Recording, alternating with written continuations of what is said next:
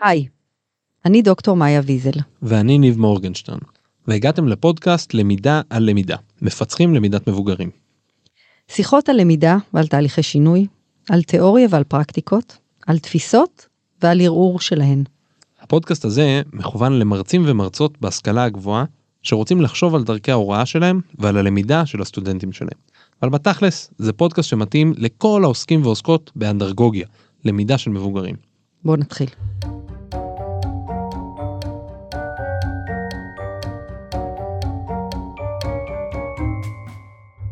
למידה על למידה. דוקטור מאיה ויזל וניב מורגנשטרן מפצחים למידת מבוגרים.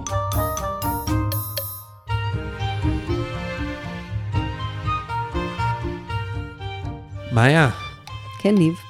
תקשיבי, אני, יש פודקאסט שאני מאוד אוהב להאזין לו מדי פעם, שנקרא כיתה 301 עם טל, אפילו התארחתי בו פעם, ושמעתי פרק ואני מאזין, ופתאום אני קולט שזה קול מאוד מאוד מוכר.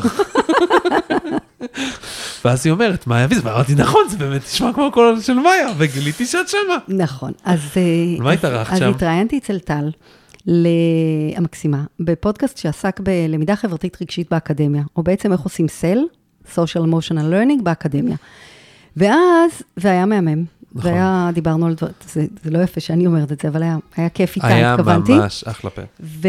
ואז אמרת לי, בוא נעשה אמרתי לך, פרק בוא. נעשה פרק על זה. ואז אני אמרתי לך, בואי לא נעשה פרק על זה. נכון, כבר יש פרק. יש כבר פרק כזה, ודיברת עליו איתה, אז, אז זה הפרק. אז זהו, אז טל, אה, תודה, פודקאסט אה, ממש. כיתה, 100, כיתה 301. מזמינים ו- אתכם להאזין לו, כי יש שם נכון. המון דברים סביב כל העולם הרגשי-חברתי באקדמיה, בבית ספר, בהרבה מאוד מקומות אחרים. והנה, הפרק ממש עכשיו מתחיל. נכון, האזנה נעימה. תהנו. אז בואו רגע קודם נראה שכולם בטוב, ואף אחד לא במצוקה, וכולם רגע פנויים בכלל ללמידה. אז בתוך הפער הזה, אני חושבת שיש המון המון קשר בין מה שאת מתעסקת, בין סל לבין היכולת שלנו להגיע להישגים אה, אקדמיים, קוגניטיביים, אה, ידע חדש, אה, יישום שלו וכו' וכו'.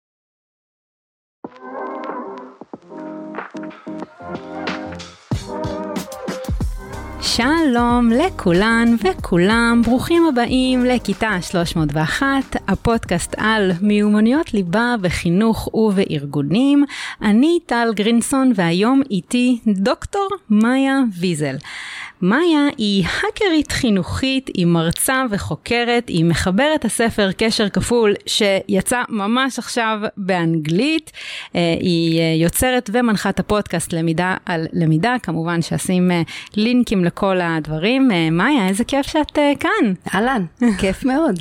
ממש, אני הזמנתי את מאיה כדי שנדבר על איך עושים למידה רגשית חברתית, גם כמרצה באקדמיה, וזה באמת מהמם, מי מאיתנו שחווה או חוותה חוויה של אקדמיה יודע ויודעת שזה ממש לא מובן מאליו, אבל רגע לפני שנצלול לזה, בואי תספרי לנו על עצמך דרך אה, אחת ממיומנויות הסל. אז אה, טוב, היה, היה קשה לבחור סיפור אחד, אה, עזרת לי לבחור אחד. לא יכולה להגיד אם הוא מייצג, אבל זה אחד. הזדמן לי, זכיתי ללמד כמה שנים באוניברסיטה בארצות הברית, הוראה, גם סטודנטים לתואר שני וגם דוקטורנטים, בהוראה היברידית, עוד הרבה לפני הקורונה. אה, חלק היה בזום, בכל מיני שעות ממש מוזרות. והחלק שלא היה בזום היה במהלך הקיץ בקמפוס ירוק ומלא פינות אה, צל, באמת כמו בסרטים כזה. ומה שהיה מיוחד בחוויית ההוראה הזאת, אה, ויצא לי להיזכר בה השבוע, היה שגם אני הייתי פנויה לחלוטין להוראה, לא עשיתי את זה במקביל לשום דבר אחר, ישנתי שם, גרתי בדורמס כאלה אמריקאים, היה חדר אוכל, היה קפיטריה, היה הכל, אבל בעיקר הלומדים והלומדות שלי, שהיו כולם מורים ומורות, היו פנויים לחלוטין ללמידה. ומה שקרה זה שהזמן של ה- הזמן המשותף חרג הרבה מעבר לשעות של הסילבוס או לשעות במערכת, כי היה זמן בבוקר אה, בקפיטריה, ואחר כך היה זמן ללכת אה, בין השיעור לארוחת הצהריים, והיה זמן, היה המון המון המון זמן, וזה אפשר לי אה, להיות המורה שאני אוהבת להיות. זה אפשר לי לייצר מערכות יחסים, זה אפשר לי להעמיק בקשר, זה אפשר לי להיות זמינה כמו שבאמת אין כמעט סביבת אה, הוראה ולמידה שמאפשרת ככה. ומאז אני מנסה לעשות את זה בלי הסטינג. אה, ש- זה, זה מהמם ואני מאוד מזדהה עם הדבר הזה, כאילו באמת, באמת לייצר גם מוטיבציה והנאה ללמידה וגם תשוקה וכיף דרך הקשר האישי הזה. אה, ולשמוע שאת אה, משחזרת את זה או מנסה לשחזר את זה, אה, לייצר את הקשר הזה דרך מערכות יחסים גם במה שאת עושה פה, זה, זה מהמם וזה מאוד מאוד קשור גם לסיבה שאת כאן. ובאמת, כאילו, אני חושבת שהקשר הזה בין הוראה שמבוססת על למידה רגשית חברתית ולימוד באקדמיה, זה כמעט ולא קיים. אני, אני בטוחה, כמו שפתחתי ואמרתי שזאת לא הייתה החוויה של רובנו כסטודנטים. למה זה חשוב לך? כאילו למה בכלל לייצר קשרים מעמיקים כאלה עם סטודנטים אה, מארצות הברית או מהארץ? לפודקאסט שלך קוראים 301, וזה גרם לי לנסות להיזכר בכיתה שאני למדתי בה. אז אולי זה, זה היה 300 ומשהו בוודאות, אבל תואר ראשון, למדתי באוניברסיטת תל אביב, פסיכולוגיה, דו-חוגי פסיכולוגיה וחינוך, פיתוח תוכניות לימודים. ובחוג לפסיכולוגיה, אולם, אני באמת נדמה לי שגם קראו לזה פשוט 301, אבל לפחות 200 סטודנטים וסטודנטיות, הייתי אחת מי...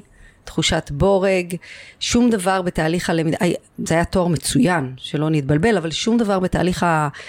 בתהליך הלמידה בתואר הזה לא היה מותאם אליי אישית, לא התחשב בצרכים שלי, לא התחשב ברקע שלי, לא התחשב במוטיבציות שלי.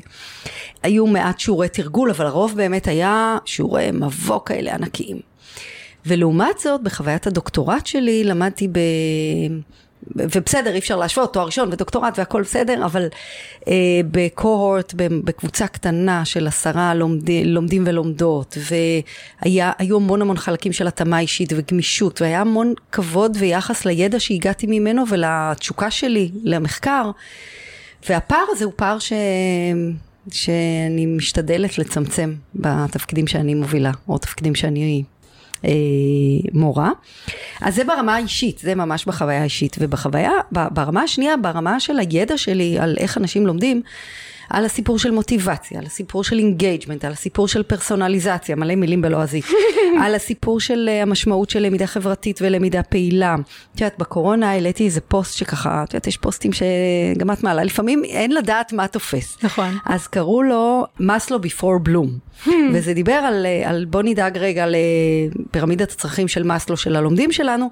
שנייה לפני, אני אגיד למי שלא מכיר, הטקסונומיה של בלום, שמשפיעה על איך שאנחנו מתכננים ובונים תהליכי למידה והדרכה, אז בואו רגע קודם נראה שכולם בטוב, ואף אחד לא במצוקה, וכולם רגע פנויים בכלל ללמידה.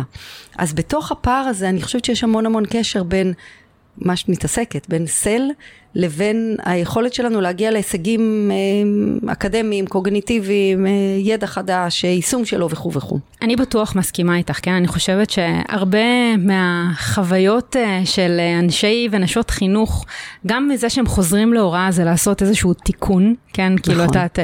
והרבה מהתיקונים האלה זה כי לא ראו אותנו, אוקיי? כי, כי אנחנו באמת באמת צריכים שיראו אותנו, זה חלק מאיך שאנחנו לומדים ואיך שאנחנו מתפתחות בעולם ואיך שאנחנו מבינות את העולם שלנו, אז אני מאוד מזדהה עם זה, והלכה למעשה, אני ראיתי את זה על התלמידים ועל התלמידות שלי.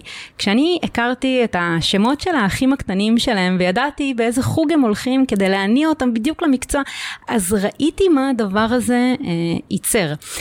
יחד עם זאת, הפער הזה שאת מתארת בין תואר שני, 200 סטודנטים לבין דוקטורט, אני חושבת שפה בדיוק, אה, ולא רק פה, אבל גם פה אה, נמצאת הבעיה או האתגר, כי בעצם כשאני מסתכלת על מרחב כיתתי של תלמידים, בטח תלמידים צעירים וצעירות, אז מאוד ברור כאילו למה צריך את הסל הזה ומה החשיבות וכן הלאה. ובאקדמיה יש אתגרים שהם אחרים, אה, גודל אה, כיתות, גיוון בלומדים, סדרי עדיפויות, אה, תגמול של מרצים, כאילו, אז, אז איך עושים את זה בפועל? כאילו, איך, איך, איך זה נראה ולמה גם שמרצים יעשו את זה? מה שנקרא בקטנה, לא שאלת כלום. בקטנה כזה, בדיוק. אני, אני אגיד רגע ככה משהו אחד שחשבתי עליו כשדיברת על, קצת על ההבדל בין ילדים למבוגרים, הרבה פעמים, לא תמיד, הסטודנטים שלנו, סטודנטיות באקדמיה, הם, הם מבוגרים, לומדים מבוגרים, זה אומר שיש להם עוד דברים בחיים, הם לא רק לומדים. אה, בטח בארץ, אגב. הרבה פעמים עובדים, בתארים מתקדמים יותר הם בעלי משפחות כבר, ויש להם עולם שלם של אה, חיים ולא רק הלימודים. ואני חושבת שחלק מה, שוב, לא שאנחנו, לא יודעת אם אנחנו צריכות כל הזמן להצדיק למה צריך יותר, תכף נדבר קצת על איך, אבל חלק מזה זה להבין את המורכבות הזו של להיות פנוי ללמידה, גם אם באתי ויש לי מוטיבציה ואני רוצה להתקדם ומעניין אותי ובחרתי בנושא והתקבלתי לתחום שמרתק אותי ו- ואני רואה את עצמי עוסקת בו ו- ואולי אפילו נשארת באקדמיה וחוקרת בו, עדיין it's complicated, mm-hmm. הרבה יותר, נכון. או אחרת, לא יודעת אם הרבה יותר אחרת מלהיות ילד בבית ספר. ואני חושבת שיש משהו בלהגיד, אנחנו יכולים לתת לזה מענים, אז נחשוב איך. אוקיי, אז, אז איך? אז כשאת מרצה, איך את עושה את זה? כי, כי גם הלומדים שלך מגוונים. מאוד, מאוד. אז אחד, אה, אני שמה את זה כמטרה. בתור התחלה. את מיינדד. אני בכלל מה, עסוקה בזה. כן. אני לא קוסמת, אני לא תמיד מוצאת פתרונות להכל, אה, אבל, אבל זה מעסיק אותי, העניין הזה. אני, אחד, מנסה להכיר, ושוב, יותר פריבילגיה בכיתה של 20, אין בכלל, אי אפשר להתווכח. לימדתי גם בכיתות של 20 וגם בכיתות של 80, בכיתות קטנות יותר קל. אה, אני מנסה להכיר את הלומדים והלומדות שלי, אני שולחת להם שאלונים לפני הקורס למשל. אז אני גם מנסה קצת להבין לגבי המוטיבציות שלהם, לפעמים בחרו בקורס, לרוב הם לא בחרו בקורס, אה, מנסה גם לעזור להם קצת לחשוב על הדרך למה או מה יצא להם מהקורס, או למה הוא מעניין, אבל מנסה להבין גם איזה רקע קודם הם מביאים לכיתה. זאת אומרת, אני מנסה להתייחס לאדם שהם. אה, אני מנסה להבין קצת על הציפיות שלהם, כדי שוב לייצר, אני אגיד המון דברים, הם כולם בסוף מתחברים, אבל לייצר יותר ודאות. אז, אז זה, הרגע אני לא אלך לוודאות, אחד, אני מנסה להכיר אותם יותר טוב, כדי להתאים ולהגמיש את הלמידה בכיתה לצרכים של מי שיושב אצלי בחדר באותו רגע. ו- וזה טיפ מעולה, כי זה יחסית מאוד מאוד קל לביצוע. זה, נכון. את פשוט יכולה לשלוח גוגל פורם זה בתחילת מה שאני השנה, איך שנפתח הקורס במודל, לשים את זה. נכון, זה מה שאני עושה. ואני אגיד לך יותר מזה, אני את התוצאות שמה על המצגת של השיעור הראשון. כן, כן. ואז מה קורה? כאילו, הם אתה- רואים את המילים שלהם הם שם. רואים את המילים שלהם, וראיתי אותם כבר, וכבר הדעה שלהם חשובה. נכון. והעמדות שלהם חשובות, והידע שלהם והרקע שלהם חשוב, ואחר כך אני צריכה, מה שנקרא, לקיים את ההבטחה הזו. אני, אני אקיים אותה גם, אבל ראיתי אותם, לא לקחתי את המצגת של שנה שעברה ושיניתי רק את השקף הראשון, אלא יש פה איזשהו מסר, ששוב, אחרי זה צריך לעמוד בו, אבל של, אני, אני פה איתכם עכשיו. בא לי כל פעם לסייג ולהגיד, וואו, אבל אם יש לי עכשיו שישה קורסים, שזו המציאות בהרבה פעמים, אז זה מאוד מאוד קשה. אז כל פעם אני אגיד רגע, גם את הלגיטימציה, להגיד מתי זה גם מאוד קשה, כי אם אני מלמדת שישה קורסים של 50 סטודנטים וסטודנטיות, זה מאוד קשה לזכור שמות, וזה מאוד קשה... אבל מה שאפשר, מה שאפשר, נכון. מה שאפשר. אז ודאות. אז, אז אחד זה להכיר. אוקיי, כן. הדבר השני, הסיפור של ודאות. בואו נדבר רגע על סטודנטים שנה א', בסדר? לא למדו כמה שנים. הגיעו לדבר הזה, עכשיו הסתובבנו, אנחנו מקליטות בבר אילן, אני מכירה היטב את האוניברסיטה ועדיין, זה חתיכת מקום ענק. אה, אולי הם לא מצאו, אולי הם לא הגיעו, אולי הם לא יודעים איפה לחנות, הם האוטובוס אחר, זה מאוד מאוד מלחיץ הסיפור הזה. ולא רק, גם אחר כך בתארים מתקדמים יותר, אולי חזרתי לאקדמיה אחרי כמה שנים, אולי אני באמת ב juggling מטורף של משפחה ועבודה ומנסה גם לעשות תואר שני או דוקטורט. למידה לא קורית טוב בלחץ. זה לא עובד הדבר הזה, לא לחץ, לא חרדה, אה, אגב מסלו וכאלה. אני מנסה לתת כמה שיותר ודאות. עכשיו, אני הרבה פעמים נופלת, כאילו אני אומרת דברים בשיעור הראשון, והם גם כתובים בסילבוס, והם כתובים במודל והכל, ואז בשיעור החמישי אומרים לי, אבל לא אמרת מתי. עכשיו, חיי שאמרתי. אבל אני אגיד שוב, יש משהו בוודאות שהוא מפחית עמימות ומפחית אה, לחץ, ואני משתדלת לעשות את זה גם דרך הסילבוס, וגם דרך זמינות לשאלות, כאילו, ונותנת לגיטימציה לשאלות כמה שיותר דביליות. כדי שלא יהיו עסוקים באיזה שאלה של, אני בסוף הקורס לא בא לי לעבוד בקבוצה, האם אפשר יהיה לעבוד לבד? אז אני, אז אני מנסה לענות על כמה שיותר שאלות מראש, ו- ולתת את כל מה שאני יודעת להגיד, על מתי צריך להגיש, ואיך צריך להגיש, ואיפה שולחים, כדי להפחית לחץ בעניין הזה. ומראש גם. וזה ומראש. כתוב גם במודל, זה וגם... כתוב, אה, עכשיו שוב, זה לא אומר שתמיד כן, רואים את ברור, זה, ולא תמיד. קוראים, וכאלה, יש בדיחה כאילו, כזאת של אקדמאים של אה, It's in the syllabus, כאילו הכל כתוב שם, לכו תחפשו, אבל, אבל אני משתדלת לתת אה, ודאות. כן, וגם הגישה שלך סביב זה, כאילו, אה, את יודעת, בסוף מותר, מותר, הכל בסדר, כאילו, אני יודעת שלא נכון. ראיתם, הכל טוב, נכון. כאילו, הנה זה שם, ואני לא כועסת על זה שלא ראיתם, כי חלק מהאינטראקציה לפעמים עם מרצים של כאילו, מה, אתם טיפשים, אתם לא רואים, ואז את יודעת, סטודנטים נסגרים לדבר נכון. הזה, כולנו בני אדם, באופן ואני כללי. שוב אגיד, במיוחד, במיוחד בשנה א', כל הסיפור, בעצם אין, יש אוריינטציה ויש זה, אבל אין קורס באוריינות אקדמית, באיך לעבוד עם המודל, באיך לנהל זמן, ולפעמים יש חוויית הצפה. בשבוע, שבועיים הראשונים, כל מרצה בא עם הדרישות שלו, כל מרצה מתחיל לרוץ, ואתה מרגיש כאילו מפילים עליך הר של אבנים, אתה לא יכול... תמיד יש לה- חוויית הצפה, באמת. חוויית הצפה, ו, ו... אז נראה לי שבמיוחד, במיוחד ב... בסמסטר א', רגע, אוויר. אוקיי, איך איך אה, עוד מייצרים? איך עוד? אני... זה ממש עניין של סגנון אישי, אבל אני, אם אני רוצה שהלומדות שלי והלומדים שלי ייפתחו וישתפו ויספרו על מה, איפה החומר פוגש אותם, אז אני צריכה לעשות לזה modeling. אז אני אספר על, אה, נגיד בקורסים שאני מלמדת... מחקר איכותני, אני תמיד מתחילה, עכשיו זה קורסים, אגב דיברנו על חרדה, כאילו יש 40, בטח יש סטטיסטיקה, בטח יש, SP, באמת רמות חרדה מאוד מאוד גבוהות שאני מנסה להפחית, זה לא מצליח לי לרוב עד השיעור השלישי, אני יודעת. אני שואלת מה רמת החרדה, הם אומרים 9-10, אני יודעת שאני לא זה. אבל אז אני מספרת את הרומן שלי, מחקר איכותני, ואני, כמו שאמרתי קודם, גדלתי בחוג לפסיכולוגיה, שם כל דבר שלא היה מדיד ולא היה כמותני היה לא היה מחקר, זה גם היה לפני מעל 20 שנה, ואני מספרת רגע את המסע ש... שאני עברתי עם מחקר איכותני ואת תהליך ההתאהבות שלי בו.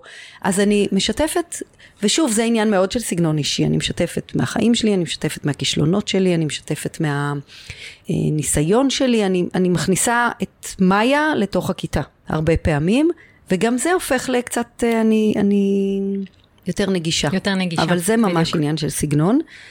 שוב, זה קשור ולא קשור, אבל אני מנסה, אתגר, להעביר הרבה אחריות ללמידה עליהם. יש משהו ב... כשמרגישים אבודים, בתחושת שליטה. כן. אה, וכשאני שולטת, למשל, אני אתן דוגמה, אם אני נותנת לסטודנטים וסטודנטיות לבחור, הם צריכים, לה... יש דברים שאין בחירה. הם צריכים להציג מתישהו מאמר בכיתה, אבל אני נותנת להם לבחור מתי. וכל אחד ואחת עם החיים הפרטיים שלהם, ועם העבודה, ועם החגים, ועם החופשות שלהם, ועם המסיבות של הילדים שלהם, בוחרים, אז יש להם, נתתי להם איזושהי תחושת שליטה, ואפשרתי להם, אה, לא תמיד לוקחים את זה, תכף נדבר, אבל עוד אפשרות לקחת אחריות על הלמידה של עצמם, ולהרגיש ownership עליה. ואז עוד פעם אני קצת, הם, הם יותר מעורבים, הם יותר נמצאים, הם יותר, זה, זה מוביל לכל הדברים האלה של קצת יותר אוויר. לגמרי. לא, וגם יותר פעילים בתוך הלמידה, זה הופך את הלמידה עצמה ליותר טובה. ברור. ובהקשר של למידה רגשית חברתית, כאילו בעצם יש פה, בטח אם נגיד אם הם עושים את הדבר הזה בצוות, אם הם לוקחים יותר אחרי, אז, אז יש פה הרבה מיומנויות שהן נכון, כאלה. וגם משהו שאת אה, אומרת בין השורות, ולדעתי הוא מאוד מאוד חשוב אה, שיודגש, זה הסיפור הזה של קצת להיות באיזושהי סבלנות לתהליך הזה. כאילו אמרת את זה, אני יודעת שזה לא עובד עד השיעור השלישי, אני יודעת שאני מגיעה מיינדד לדבר הזה. אני חושבת שכמו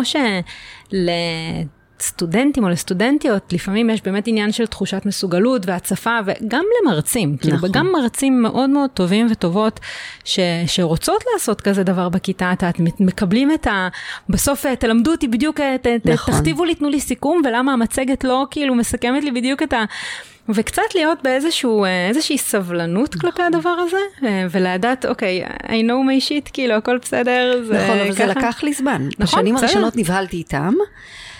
אחר כך, בשנה השישית שלימדתי את אותו קורס, אמרתי להם, תקשיבו, תסמכו עליי. הם לא האמינו לי, אבל, אבל, אבל לי כבר היה ביטחון בעצמי, ואני רוצה לה- להתייחס למילה חשובה נורא שאמרת, והיא תהליך. Mm. היא מאוד מאוד מאוד חשובה, לפעמים יש לי תהליך קצר בקורס של סמסטר, לפעמים יש לי תהליך של שנה, ואז באמת אפשר גם לעשות את הדברים, יש, יש משך ואפשר להקדיש לזה זמן. נכון, אבל את minded ללשחק בזה, אוקיי? כאילו, כי בסוף, את, את לא משנה את השקף אה, של מצגת הפתיחה משנה שעברה, את, את נכנסת לתוך הדבר, גם עם דברים שאולי לא יצליחו. נכון, ובסוף... אני לוקחת סיכונים, ואני גם נכנסת עם איזה סקרנות. ו- מה נכון. הכיתה החדשה תביא. ומרצים לא צריכים לי, את בשנה הראשונה להיכנס ב-0 ל-100, אבל כל פעם אפשר להעיז משהו קטן כזה, כן. יודעת, מקסימום זה לא יעבוד, הכל טוב, כאילו זה... אגב, אה, מיומנויות של לקיחת סיכונים וזה. לגמרי, לגמרי. עכשיו, אני אגיד לך מה הדבר שאני הכי מנסה לעשות, שוב, לפעמים מצליח, לפעמים פחות, אני מנסה לייצר קהילה. אני מנסה לייצר קהילה של לומדים, כי אני ממש מאמינה בזה שאנחנו יצורים חברתיים, כי אני לומדת טוב יותר כשיש סביבי קהילה, כי בקהילה יש תמיכה, יש לכידות, יש עבודת צוות, יש תחושת שייכות, יש הרבה, יש נעים, נעים ללמוד יחד. והרבה פעמים יש גם uh, מין uh, עזרה הדדית ו- ותמיכה uh, רגשית.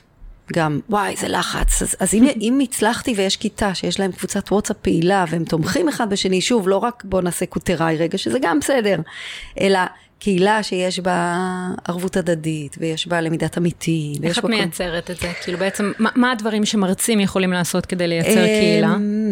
אז כמה דברים. אחד, אני יכולה בסוג המשימות לייצר מיני, שוב, תלוי בגודל הקורס, אבל לייצר משימות למשל קבוצתיות, אז אני ממש מכריחה לפעמים, או נותנת בחירה אם לעבוד לבד או בקבוצות, אבל אני מייצרת הזדמנויות לדבר הזה. Hmm. אה, אני עושה שיעורים שיש בהם למידה פעילה ושיש בהם הזדמנות ללומדים וללומדות, כמו שאמרת קודם, להיות פעילים. אז אם אני פעילה, אני מכירה את מי שיושב לידי, אני יכולה אה, לנהל שיח איתם. אני מנסה שההיכרות לא תהיה דו-כיוונית שלי ושל כל אחד מהם, אלא שלהם בינם לבין עצמם. אני, הדבר הכי הכי טריוויאלי, אני מאוד משתדלת, שוב, לא תמיד זה מתאפשר, לעשות מעגל. Hmm.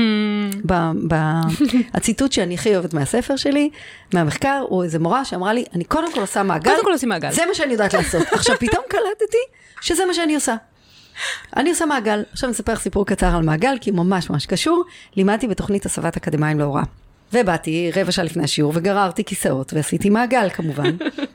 וזה גם כיסאות כאלה עם ה... איך קוראים לזה? עם המגש הזה, עם מקום לכתוב, יש לזה שם. אז זה לא שזה היה לא נוח. ובהפסקה ניגשה אליי אחת הסטודנטיות, בטח בת 35-40, בסדר? אימא לשלושה ילדים, רואת חשבון, ואמרה לי, תשמעי, זה לא בשבילי התוכנית. לא, זה סיפור ממש אמיתי. ואמרתי לה, למה? אמרה לי, תשמעי, עשיתי תואר שלם בראיית חשבון, בחיים לא ישבתי במעגל. זה נורא מלחיץ אותי.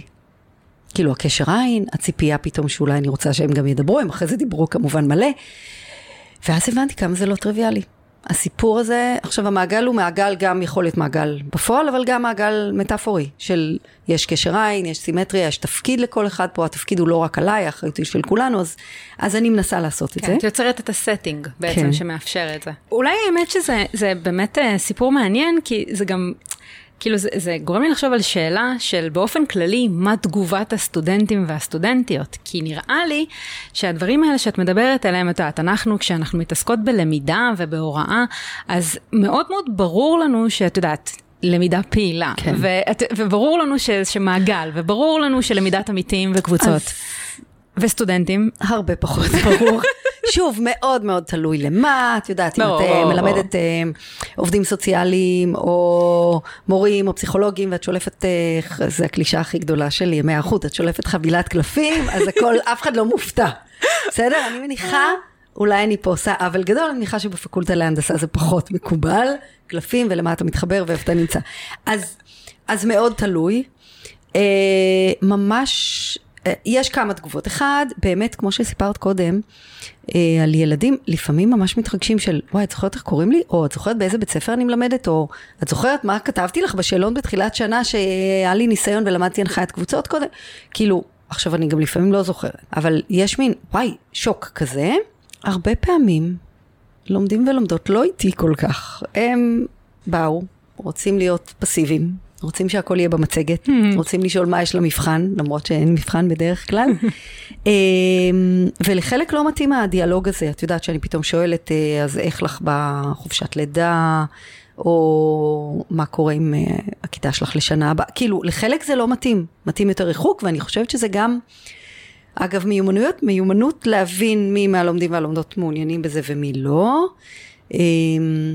וגם לא להלחיץ מהצד השני של עכשיו אה, מין קורס כל כך השתתפותי, אה, ש, שיאיים על חלק מה... את יודעת, זה בסוף לא קורס, קורסים לא טיפוליים, אז שלא עכשיו קבוצה ואני צריכה לספר ולהיפתח, אלא לתת אפשרויות וגם להיות רגישה, אני חושבת, לא חשבתי על זה עד הרגע, אבל לשונות. לאלה שתמיד יש להם דוגמה ותמיד יספרו על החיים שלהם ותמיד יספרו על זה, ולאלה שפחות מתאים להם ולא לדחוק אף אחד ולא... אה, שבוע שעבר העברתי סדנה לאוכלוסייה אה, של ראשי מכינות, ונתתי משימה, ואפשרתי לעשות אותה או לבד או בקבוצות. וזה היה מקסים שמישהו אמר, בא לי לעשות לבד. כאילו, בלי להתנצל ובלי, זה לא שאני לא חברותי ולא שאני לא... אז, אז באמת אני חושבת שזה קשור לעוד משהו שהוא מאוד מאוד קשור לסל, אני חושבת, אבל גם לעולם הבלתי פורמלי, וזה הסיפור של גמישות. ובחירה. כן, בחירה כמובן, אבל גם גמישות שלי להגיד, טוב, אז לא חייבים.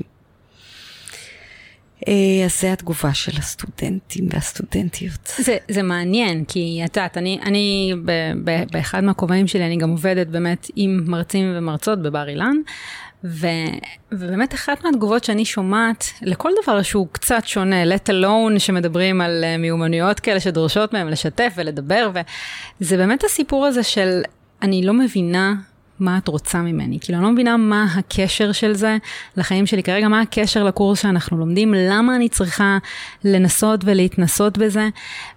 והרבה פעמים מרצים, כמו ש, שדיברנו קצת לפני, כשהם מגיעים מאוד מאוד אוריינטד למשימה הזאת, שהם מבינים שזה משהו שהם רוצים, אז יש להם כזה באמת את ה... אוקיי, כאילו הכל בסדר, תלכי איתי את הדרך כן. הזו, ו, וזה קורה, כאילו סטודנטים בסוף מוצאים את עצמם בתוך השיעורים האלה?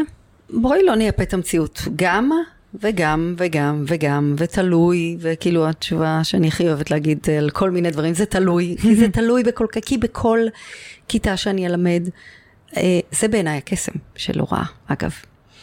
שתמיד זה נראה אחרת, כל שנה נראית אחרת, וכל סמסטר נראה אחרת, וכל קורס נראה אחרת. כאילו, אני כל פעם מתרגשת להתחיל מחדש, כי, כי כל פעם זה ייראה אחרת, אם באמת אני מוכנה להתגמש. וכשדיברת חשבתי על הסיפור של רלוונטיות. אני חושבת שחלק מזה זה גם אחריות שלי לתקשר. למה זה רלוונטי? איך זה קשור לעולם שבחוץ? לא דיברנו קצת על אקטיביזם, וסל זה הרי גם הסיפור שלי והיכולות שלי עם עצמי, וגם שלי עם אחרים, אבל גם שלי כלפי העולם, ואיך הדבר הזה קשור למה שקורה בעולם, ומה שקורה בחברה, ומה שקורה מחוץ ל...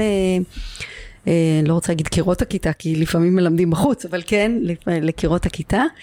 אז תלוי באיזה נושא, וברור שאני, אני, אני מלמדת משפטים, זה יותר רלוונטי, ואם אני מלמדת אה, אה, ממשל ופוליטיקה זה יותר רלוונטי, אה, ואם אני מלמדת חינוך בוודאי שזה רלוונטי, אבל אני בטוחה שבעוד ככה, אין לי עוד דוגמאות, אני בטוחה ש... להסביר רגע מה קשור מה שאנחנו לומדים עכשיו לעולם, לקונטקסט. זה, זה ממש ממש ממש חשוב, כי בסוף כולם צריכים, את יודעת, אנחנו קוראות לזה מיומנויות אה, רגשיות חברתיות, למידה רגשית חברתית, סל, בעולם קוראים לזה soft skills, נכון. מיומנויות ליבה, power skills, בסוף אבל אי אפשר לברוח מזה, הם צריכים לדעת לתקשר, הם צריכים לדעת מודעות עצמית, הם צריכים לדעת רפלקציה, הם צריכים נכון. לדעת איך לתקשר בצוות, כאילו בסוף הם צריכים את ה... את ה להתאמן על זה במקום שהוא לא כאילו הקריירה שלהם, או, נכון. ואקדמיה זה מקום נהדר לעשות את זה, ואני חושבת שפה יש איזשהו פיצוח מאוד מאוד חשוב שלך, כי אם את מצליחה להנגיש לקהלים שונים בשפה שלהם, בטרמינולוגיה שלהם, למה זה חשוב להם, איך זה משרת אותם אחר כך, אחרי שהם יסיימו את הקורס הזה. אני, אני ממש לא אוהבת את המושג החיים האמיתיים. כן. זה כאילו... אני איתך, אני איתך על כן. כל המורכבות של זה. ממש, אבל כאילו, אני אומרת, בסוף, אם אני מצליחה כמרצה או כמובילה של התהליך שהסטודנטים האלה עוברים, להסביר להם מה הערך של מה שהם עושים עכשיו, אני חושבת שזה מאוד מאוד חשוב. הסטודנטים יכולים לא להסכים עם זה, הם יכולים להתנגד נכון. לזה, אבל להנגיש להם את המידע הזה, וזה מזכיר לי סיפור שהם... בפרק, אה, אחד מהפרקים דיברתי עם תום הגלעדי, שהוא mm-hmm. באמת אה, מתמחה כאילו בבינה מלאכותית, ו, והוא סיפר בשאלה הראשונה הזאת של ספר לי על עצמך, אז הוא סיפר שהוא עבד עם איזשהו ילד שככל הנראה היה על הספקטרום, והוא ניסה להסביר לו איך להשתמש במיומנות אה, רגשית חברתית כלשהי. ואיך שהוא הסביר לו את זה היה בטרמינולוגיה שהוא יכל היה להבין. כאילו, אל ת כאילו, בוא תבין מה זה עושה רגשית לאנשים אחרים, אלא תשחזר אחורה צעדים שעשית ותראה מה לא עבד, ותשר... הוא נתן את הכלים האלה, ואני mm. חושבת שזה בדיוק מה שאת מדברת, לדבר לקהל היעד. בשפה שהוא יכול להבין. למה זה חשוב לו? למה עושים את הדברים האלה?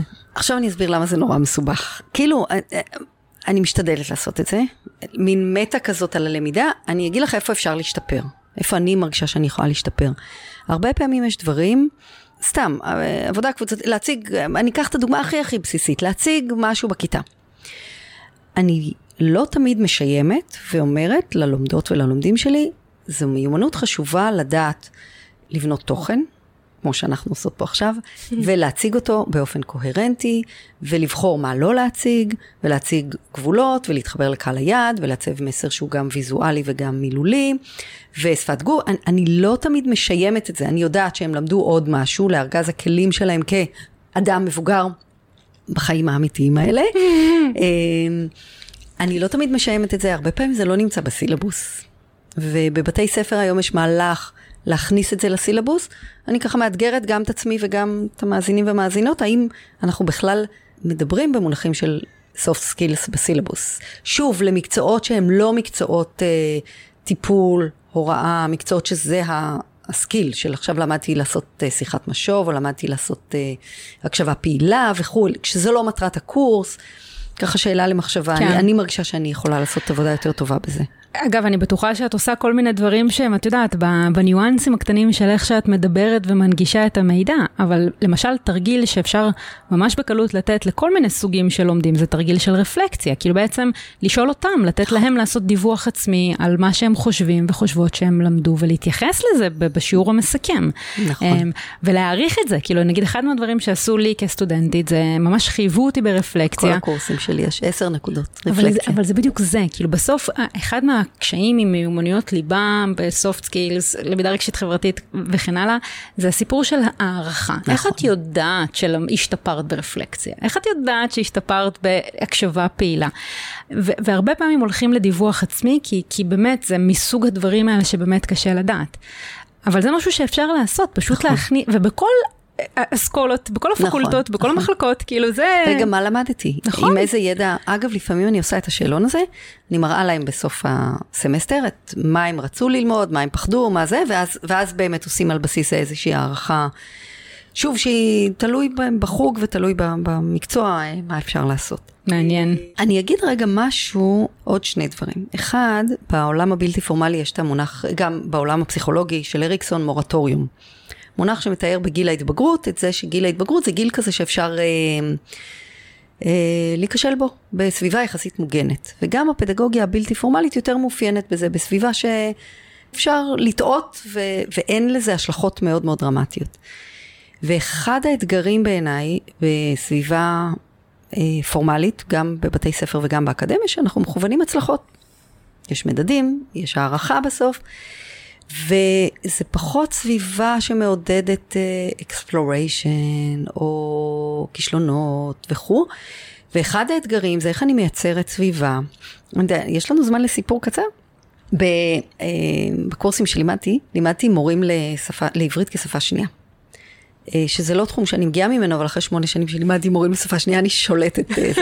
ויש דבר שנקרא חרדה שפתית. חרדה שפתית, את יכולה להזדהות עם זה, הרבה פעמים יש דברים שאנחנו, את יודעת שאת יודעת, אבל הסיפור של להגיד אותו בקול רם, בכיתה, ב... עם מבטא, הוא מאוד מאוד קשה. עכשיו דמייני את זה בגיל ההתבגרות. אבל גם אצל מבוגרים. ואחד הדברים זה לייצר סביבת למידה שבה זה בסדר לטעות. זה בסדר, אה, מדברים על זה שוב הרבה בגילי חטיבות ביניים ותיכון, סיפור של זה בסדר לשאול שאלות. אז אותו דבר באקדמיה, אם אני מייצרת מצב שזה. שזה לגיטימי לשאול שאלה, שמי ששואל את השאלה לא מרגיש שהוא טיפש.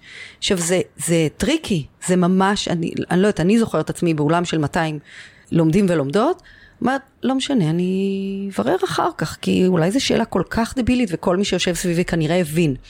אז איך אני מייצרת, זה קשור לעוד מלא מלא דברים, לשאלת שאלות ולזמן באמת, וקשור למגדר, כי בסוף מי ששואל אממ, שאלות יותר זה ברור. גברים ולא נשים, וזה קשור למלא מלא שאלות, אבל זה קשור גם לאווירה שאני נותנת, שאין שאלה לא טובה, וש, ו, ו, ואני יכולה להמציא כל מיני פלטפורמות גם לשאלת שאלות שהן גם אנונימיות, ו, ואני יכולה לפתור את זה, אבל האם אני יוצרת מרחב בטוח בכיתה, וזה קשור לקהילה, הכל מתחבר. האם בכיתה שלי מספיק בטוח להגיד לא הבנתי, את יודעת, יש תמיד את הסרטים האמריקאים האלה, תמיד יש את זה שקוראים ללוח, זה נורא Mm. נורא מלחיץ שקוראים לך ללוח. אז איך אני מייצרת סביבת למידה, שזה בסדר לשאול שאלות, גם אם, הם- במיוחד אם הן דביליות, כי אחרת פספסתי משהו.